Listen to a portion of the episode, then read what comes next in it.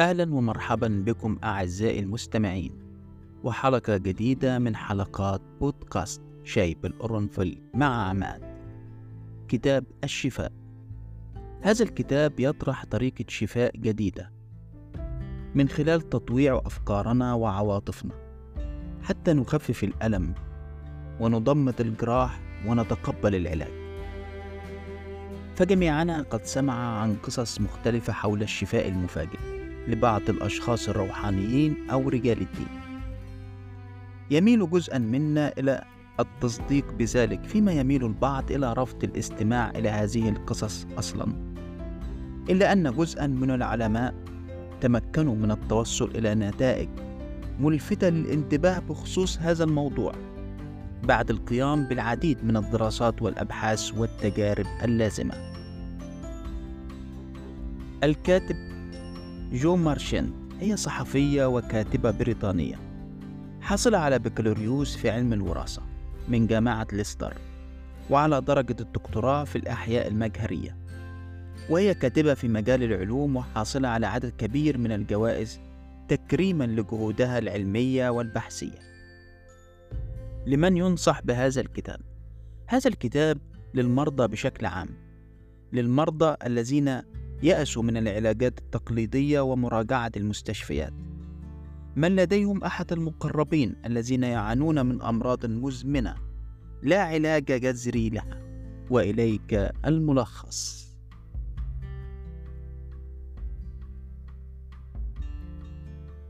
سيكون التركيز الآن على الدواء الوهمي وعرض عدد من القصص حول أشخاص شفوا تماما باستخدامه. وذلك من خلال تدريب جهاز المناعة ومقاومة التعب والعلاج بالتنويم المغناطيسي والصلاة. وذكر قصص عديدة حول معالجة بعض الأمراض مثل التوحد والشيخوخة والقولون العصبي والحروق وغيرها والعديد من الأمراض. والتي تعتبر مزمنة والتي تشكل معضلة لدى الأطباء. في هذا الكتاب سوف نرى كيف يساعد التأمل في حل الكثير من المشاكل مثل الاكتئاب والمشاكل العقلية المرتبطة بتقدم العمر. كما إننا سنرى إمكانية العقل الخارقة على الشفاء. اولا الإيمان. يبدو هذا العنوان بديهيا في حالتنا. وعند الحديث عن الشفاء الذاتي خاصة وهو كذلك أن إيمان الشخص بالشفاء هو شرط أساسي للعلاج. لا يمكن أن يشفيك أي دواء ما لم تكن مصدقا ومقتنعا بفاعلية هذا الدواء. بكل ما أوتيته من قوة ومن قدرة على الإيمان. وقد أظهرت بعض الدراسات على أطفال التوحد إنهم استفادوا من العلاج المقدم لهم بمجرد أن تم إقناعهم أن الأقراص التي قدموها لهم تساعدهم في العلاج. مع العلم أن المادة الفعالة فيها لم تتجاوز الثلاثون في المئة. كما أشارت دراسة بريطانية أخرى إلى أن العملية الجراحية الوهمية فعالة تماما وتعطي في كثير من الأحيان نفس النتائج التي تعطيها العمليات الجراحية الحقيقية. وذلك لإيمان المريض أن العملية هي حل أساسي وجذري لمشكلته الصحية. ملخص القول بالإيمان أولا وبخطوات عملية أخرى ثانيا سوف تصل إلى الشفاء الذي تريده ثانيا تأثير العقل هل شعرت يوما بالأعراض الجانبية لدواء ما بعد أن قرأت النشر الموفق به؟ الحقيقة إنك وعلى الأغلب لا تكون قد أصبت بها فعلا ولكن تأثير العقل فهذه المعلومات التي قرأتها عن الدواء الذي تتناوله أو حتى عن أي مادة غذائية تؤدي للتفكير بتوقعات سلبية حول نفسك مما قد يؤدي بك إلى الشعور بها فعلا ومعايشتها وفي تأكيد على هذا فقد أعطي شخصا في أمريكا حبوبا على أساس إنها مضاد اكتئاب. وبعد دخوله في حالة نفسية سيئة قرر أن يتناول هذه الحبوب جميعها في محاولة منه للانتحار وقد تم نقله إلى المستشفى وهو يعاني من تصارع في ضربات القلب بالإضافة إلى انخفاض في ضغط الدم إلا أنه عاد إلى طبيعته تماما بعدما أخبره الأطباء أن ما تناوله لم يكن إلا حبوبا من السكر. وهنا تأتي الإشارة إلى أننا نوهم أنفسنا.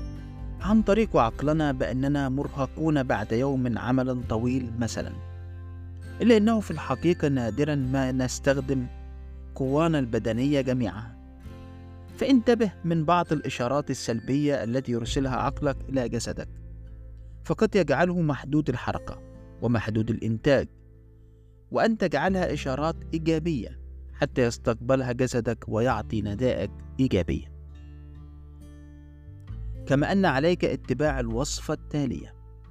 أولا عليك الجمع بين الأدوية الوهمية والأدوية الحقيقية والغذاء اللازم حتى ولو كان الدواء حقيقيا عشبيا أو غذائيا. ثانيا قم بفعل عادة بالتزامن مع تناول الدواء حتى تشكل رابط في عقلك بين المكان وفعالية الدواء. ثالثا الرعاية. نقصد هنا بالرعاية الرعاية الفعلية الجسدية التي يتلقاها المريض وطبعا إضافة إلى العناية النفسية بالمريض أو الرعاية التلطيفية. فعلى سبيل المثال يكون مرضى السرطان الذين يتلقون رعاية تلطيفية أقل عرضة للاكتئاب. من غيرهم وتكون الرعاية بتقديم الغذاء المناسب للمريض وتوفير جو من الراحة والسكون والنظافة في محيطه. وأن يتم الاهتمام بنفسيته وتسليته سواء بمقابلة من يحبهم إذا سمح مرضه بذلك أو بطرق أخرى مثل مشاهدة الأفلام أو القراءة أو اللعب. رابعا الأصدقاء هل فكرت يوما بأهمية وجود الأصدقاء في حياتك؟ إن وجود الأصدقاء في حياتك له عميق الأثر في تحسن صحتك. ونقصد بالأصدقاء هنا. أولئك الذين يمدونك بالطاقة والذي تقضي معهم وقتا ممتعا بالعادة وهم من يتمتعون بطاقة إيجابية عالية وروح مرحة. وتقول الأبحاث والدراسات في هذا المجال إنه كلما كانت لديك اتصالات اجتماعية أكثر كانت ابتسامتك أفضل وكنت نابضا بالحياة ومشعا بالطاقة. كما وقالت دراسات أخرى إن وجود الأصدقاء من حولك يساعد في تحسين كفاءة جهاز المناعة ويجعلك أكثر قدرة على التصدي للأمراض وأكثر قدرة على التخلص منها إذا ما أصبت بها. كن صديقا مميزا لأحدهم وتمتع بالحياة والصحة. خامسا التوتر والإجهاد نجمع كلنا على أن التوتر والإجهاد مضران بالصحة لأنهما يؤديان في الحالات الكثيرة إلى المشاكل الصحية مثل الاكتئاب وارتفاع ضغط الدم وأمراض القلب والشرايين. إلى أن الجانب الآخر من الأمر أن للإجهاد بعض الفوائد إذا فكرت به. من ناحية أخرى واعتبرته حافز للتحدي ولتحقيق المعجزات. في الحالة الأولى يؤدي الإجهاد والتوتر إلى ضرر في جهازك المناعي وإلى بطء عملية الشفاء وإلى مفاقمة المشكلة أحيانا إلى أنه في الحالة الثانية يعتبر محفز على إفراز الكثير من الهرمونات التي تساعد جسدك وعقلك على التقدم من أجل الإنجاز وتحقيق المعجزات. سادسا التدين والتأمل. جميعنا سمعنا قصصا عجيبة من أشخاص انتهت مشاكلهم الصحية لأنهم دعوا الله أو بسبب أعمالهم الروحانية. إن التدين أمر مفيد جدا للمساعدة على الشفاء.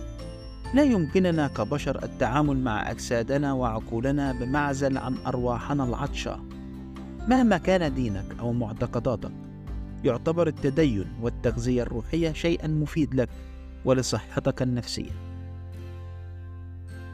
أما إذا كنت لا تتدين بديانة فإن التأمل هو سلاحك الفتاك.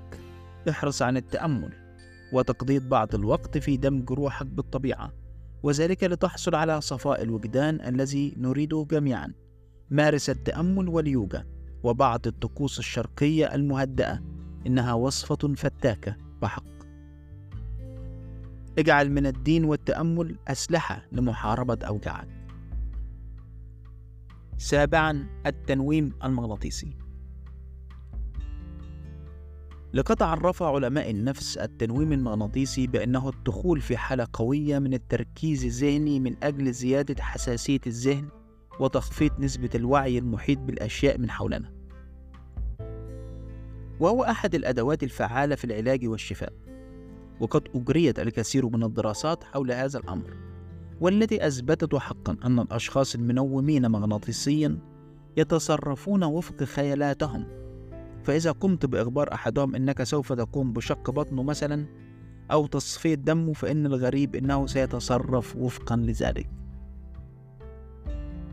قال علماء آخرون أن للتنويم المغناطيسي قدرة هائلة على التخلص من بعض الأعراض الخطيرة التي يعاني منها البعض.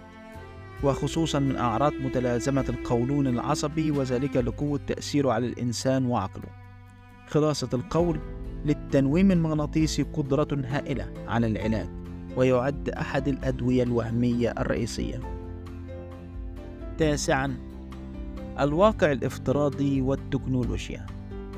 يبدو العنوان غريبا إلا أن الواقع الافتراضي وحسب ما أثبتت التجارب له دورا كبيرا في تحسن وضع المريض. ففي بعض التجارب أعطي المرضى بعض الألعاب التي تعتمد على الواقع الافتراضي.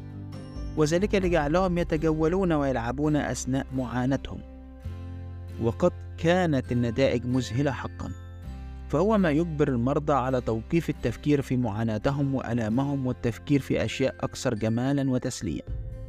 كما أن حقن المرضى خلال جلسات الواقع الافتراضي أو تعرضهم لبعض الصدمات الكهربائية الخفيفة أو غيرها من الإجراءات الطبية ساعد الكثير من المرضى على تقليل نسبة الشعور بالألم إلى درجة كبيرة. من جهة أخرى، يرى الكثير من الخبراء والأطباء أنه يمكن للتكنولوجيا المساعدة في تحسين الوضع العام النفسي للمريض، وبالتالي المساعدة في شفائه. فمثلا يمكن عرض نتائج على شاشات الأجهزة لا تعكس الواقع، وذلك من أجل تحسين نفسية المريض، وبالتالي المساعدة في علاجه بشكل أفضل.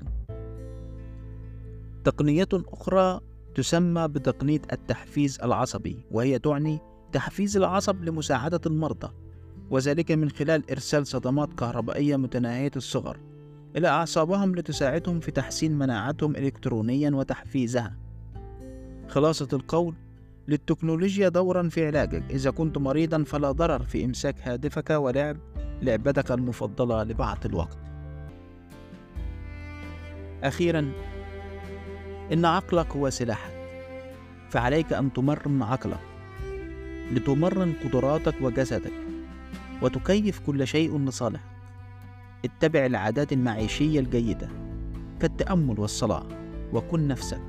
لا تسمح لآلامك بهزيمتك كل ألم يمر في حياتك سواء كان ألم نفسي أو جسدي يمكنك مقاومته وترويضه وحتى التخلص منه باتباع النصائح التي أوجزناها لك في هذا الملخص. إن بالصبر وباتباع بعض الطرق المذكورة والمواظبة عليها سيكون الانتصار حليفك